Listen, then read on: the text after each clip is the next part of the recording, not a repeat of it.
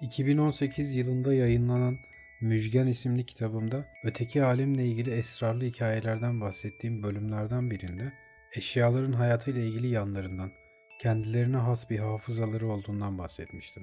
Hala da içten içe buna inanırım.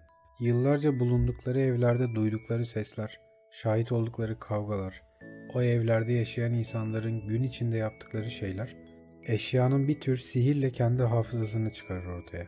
Bu hafıza Geceleri ev içlerine doluşan karanlık sonrası eşyaların kendileri arasında konuşması gibi doğaüstü hikayelere yol açsa da daha gerçekçi ve ayrıcalıklı bir başka yanı da vardır. Bütün eşyaların bir araya gelerek ortak bir ahenkle ortaya çıkardıkları resim ve kokular yalnızca eşyaların değil, ev içlerinin ve bu evde yaşayan insanların da benzersiz bir koku ve hafızaya sahip olmasına neden olurlar.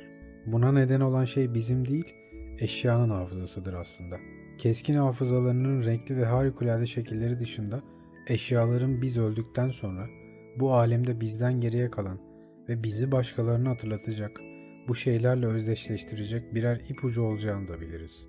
Bizden sonra bu şeyleri elinde evirip çeviren kişilerin bizi hatırlatan bu eşyaları okşadıkça yüzlerine bir anda tül perde gibi tüm fotoğraflarımız, hatıralarımız, kavgalarımız ve sesimiz saçılı verecek.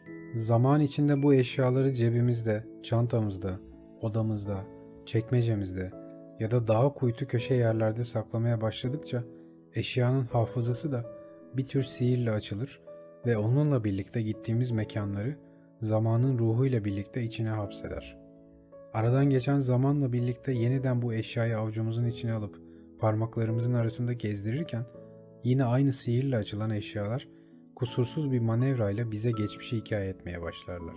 Oturduğumuz bir çay evinin vitrininden dışarı bakarken sokaktan geçen bir sokak satıcısını, kalabalık sinema önlerinde annesinin kucağından inmek için sabırsız hareketler sergileyen küçük çocuğu, akmakta olan hayat gibi durmaksızın ilerleyen trafiği, bu trafiği aldırış etmeden karşı kaldırıma koşar adım ilerleyen sokak kedilerini, durakta minibüs beklerken çıkan tartışmaları, Karşı evin penceresine bakarken gördüğümüz televizyondaki değişen görüntüyle birlikte ev içlerinin çeşit çeşit renklere dönüşünü, tüm bu hikayeleri bize cömertçe sunan eşyaya sahip olduğumuz o tarifsiz zaman ve mekanı, bazen elimize geçen ve kime ait olduğunu bilmediğimiz bir eşya, bize sessizce fısıldar hikayesini. Bu çağrının farkında olmayan çoğu dikkatsiz, eşyanın ruhundaki derin manayı ve hikayeyi kavrayamaz. Ancak bir sonraki görüşümüzde anlayabildiğimiz öteki ve gizli anlamları da vardır eşyaların. Ama bu derin anlamlar çoğu zaman üçüncü kişilerce değil, ortak bir hikayesi olan eşyanın sahibiyle ilgilidir. Kendi evim ya da tanıdığım başka insanların ev içlerinde göz aşinalığıyla bağ kurduğum eşyalar dışında ancak bir üçüncü gözün gizli anlamlarını ve harikulade yanlarını anlayabileceği öteki eşyaların da kendine özgü bir hafızası olduğuna inanmışımdır.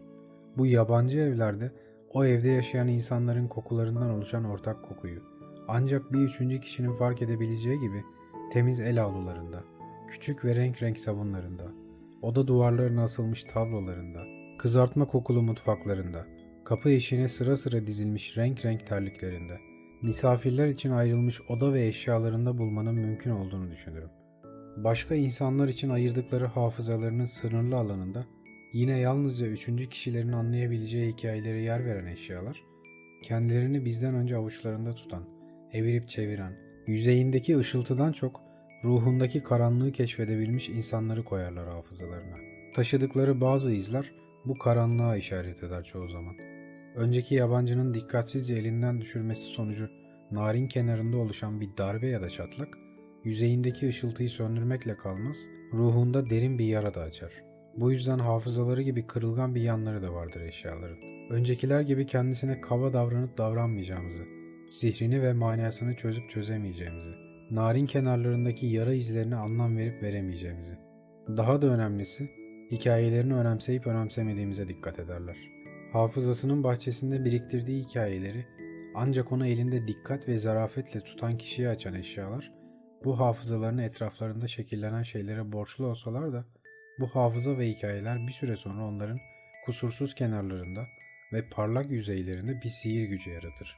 Bu sihri kavrayan ve eşyanın dilinden anlayabilen pek az kimseden biri olduğum için de gizliden gizliye hep şanslı hissetmişimdir kendimi. Herhangi bir evin renk ve şekilleriyle iç içe geçen eşyalarına ne zaman baksam, hafızalarını bana açacak kadar cömert oldukları için gizli bir şükran duygusu beslemişimdir hep. Bir araya geldikleri vakit bulundukları mekanı, zamanın ruhuna uygun bir tertiple ev içi düzenine sokan eşyalar, kimliğimize de belirleyici rol oynar, zaman içinde bizim de makul alışkanlıklar edinmemizi sağlarlar. Tıpkı benim yaptığım gibi, tıpkı sizin yaptığınız gibi. Bir yerden bir başka yere giderken evvela ceplerimizi yoklar, yanımıza almamız gereken anahtarları, sigara paketlerini, çanta ya da oyuncakları kontrol ederiz.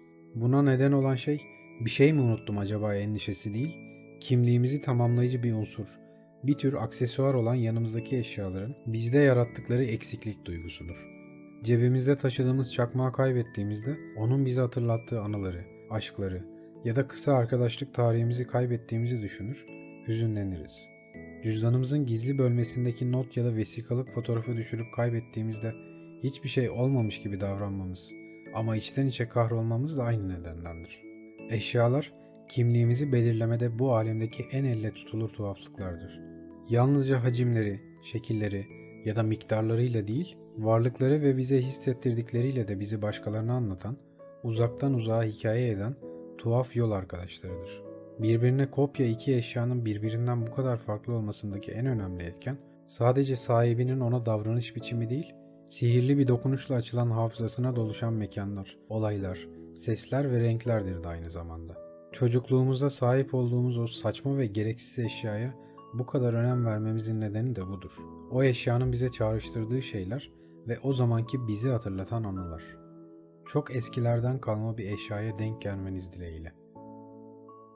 Görüşmek üzere.